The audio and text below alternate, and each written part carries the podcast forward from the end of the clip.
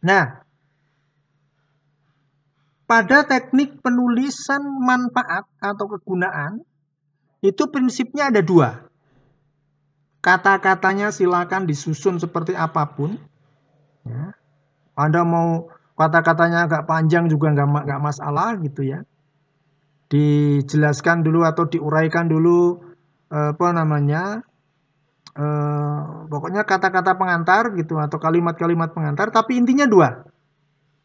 Inti dari manfaat penelitian itu dua. Jadi manfaat itu ketika riset sudah selesai dilakukan diharapkan akan memberi manfaat kepada bla bla bla. Kalau tujuan itu sebelum riset dilakukan, jadi tujuan akan melakukan riset itu apa? Itu sebelum dilakukan, maka diungkapkan dulu tujuannya. Nah, kalau sudah selesai risetnya, maka manfaat ini yang Anda tuangkan. Maka ada dua hal, dua pokok inti dari manfaat dan kegunaan, manfaat atau kegunaan penelitian itu yang pertama, sebagai pengayaan atas kajian terhadap teori apa atau kajian dari perspektif teori apa. Jadi enrichment, pengayaan, memperkaya hazanah riset dalam uh, pengembangan teori misalnya tadi psikologi agama atau antropologi agama atau fenomenologi agama dan sebagainya dalam persoalan apa? Persoalan tentang ritual keagamaan dan kematangan beragama. Tadi contohnya seperti itu. Maka pengayaan atas perspektif apa antropologi agama dalam persoalan apa jadi disesuaikan dengan tema dan masalah masing-masing Anda. Di situ. Ya, jadi yang pertama adalah pengayaan. Pengayaan terhadap kajian-kajian yang sudah dilakukan orang. Jadi memang riset itu manfaatnya memperkaya, memperkaya hazanah, menambahi hazanah. Hazanah tentang apa? Hazanah tentang penelitian terhadap tema yang Anda bahas. Penelitian memperkaya penelitian apa namanya?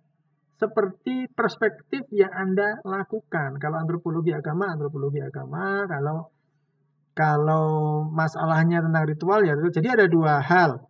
Yang pertama terkait dengan teorinya, yang kedua terkait dengan materinya. Ya.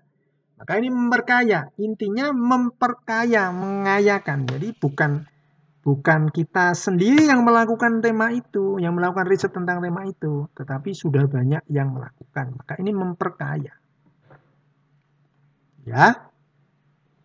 Kemudian yang kedua, Nah, poin yang kedua dalam manfaat riset ini adalah sumbangan akademik.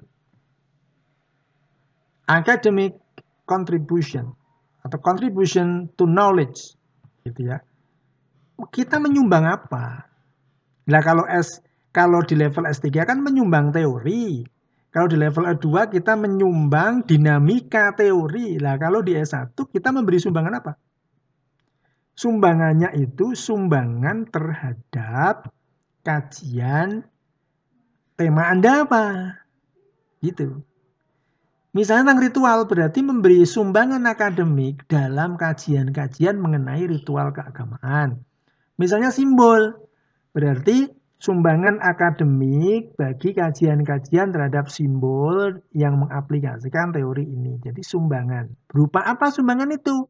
Berupa analisis Anda terhadap materi itu. Jadi ketika Anda menganalisis materi, karena ini kan prosesnya nah, sudah berjalan ya, tujuan ini kan ditulis untuk menjelaskan kalau riset ini sudah selesai, maka apa yang bisa kita sumbangkan? Yang kedua, sumbangan akademik.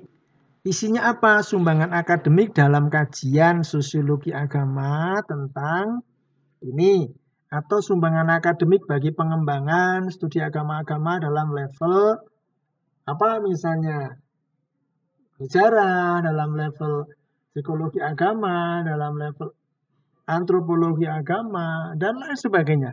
Itu sumbangan. Jadi sumbangannya itu lebih bersifat sumbangan hasil riset, bukan teori karena di level S1 belum berteori. Kalaupun Anda akan masuk ke sana, itu lebih bagus. Misalnya apa? Skripsi, tetapi Anda sudah bisa mendialogkan teori dengan teori yang lain, bahkan Anda berteori. Boleh nggak? Boleh. Boleh sekali. Boleh sekali. Tetapi kan teknis kita kan bukan pada keseluruhan risetnya, tetapi teknis menulis manfaat tujuan dan manfaat penelitian. Jadi yang dua paragraf itu kadang-kadang memang ya apa namanya kurang cermat ya teman-teman dalam menuangkan dalam bentuk tulisan itu kurang cermat. Manfaat biasanya akan memberikan kontribusi kepada pemegang kebijakan dan sebagainya. Bukan itu risetnya itu. Ya, tujuan riset bukan seperti itu. Jadi kita memberi sumbangan akademik berupa apa? Data paling enggak. Kita punya data baru tentang ritual. Kita punya data baru tentang simbol. Kita punya data baru tentang perkembangan hubungan antara agama. Kita punya perkembangan baru tentang religi lokal. Jadi datanya itu kita nyumbangkan Ya, materi tadi yang saya maksud itu data, kita bisa nyumbangkan. Maka itu penulisannya seperti itu. Jadi singkat aja Mas dan Mbak ya.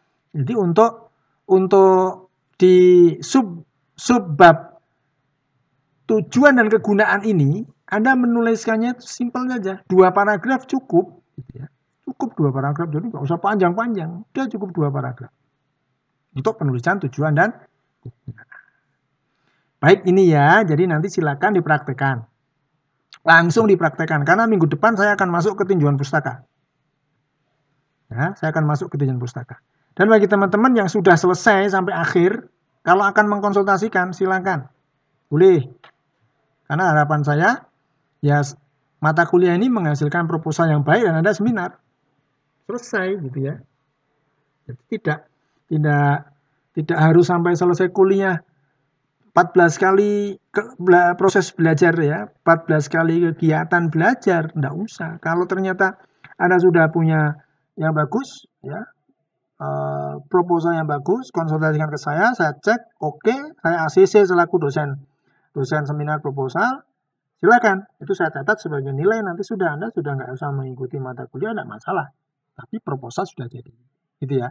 Nah, sekarang ini di mata kuliah ini kalau ternyata Anda masih ragu-ragu, masih agak kesulitan, ada beberapa hambatan untuk menulis, ya silakan diikuti step by step. Kemarin penentuan topik, kemudian penulisan latar belakang dan rumusan masalah, sekarang manfaat, besok tinjauan pustaka, besok lagi kerangka teoritik, besok lagi metodologi, kemudian besok lagi sistematika penulisan, dan besok lagi tata tulis. Tata tulis pengutipan dan lain sebagainya akan kita jelaskan terus seminar. Ya. Anda menyeminarkan di hadapan saya, saya oke, okay, saya ACC, Anda mendaftarkan di prodi. Tapi ya tentu saja Anda harus dialog, Anda harus konsultasi dengan dosen pembimbing akademik untuk pengajuan judul ini. Ya, kalau beliau oke, okay, Anda masukkan ke prodi. Kalau tidak oke, okay, berarti paling tidak ta cara Anda menulis proposal sudah bagus, tinggal ganti apa temanya. Tinggal ganti nggak masalah. Itu ya. Itu saya kira. Ya, terima kasih uh, semuanya. Ya, kita akhiri. Assalamualaikum warahmatullahi wabarakatuh.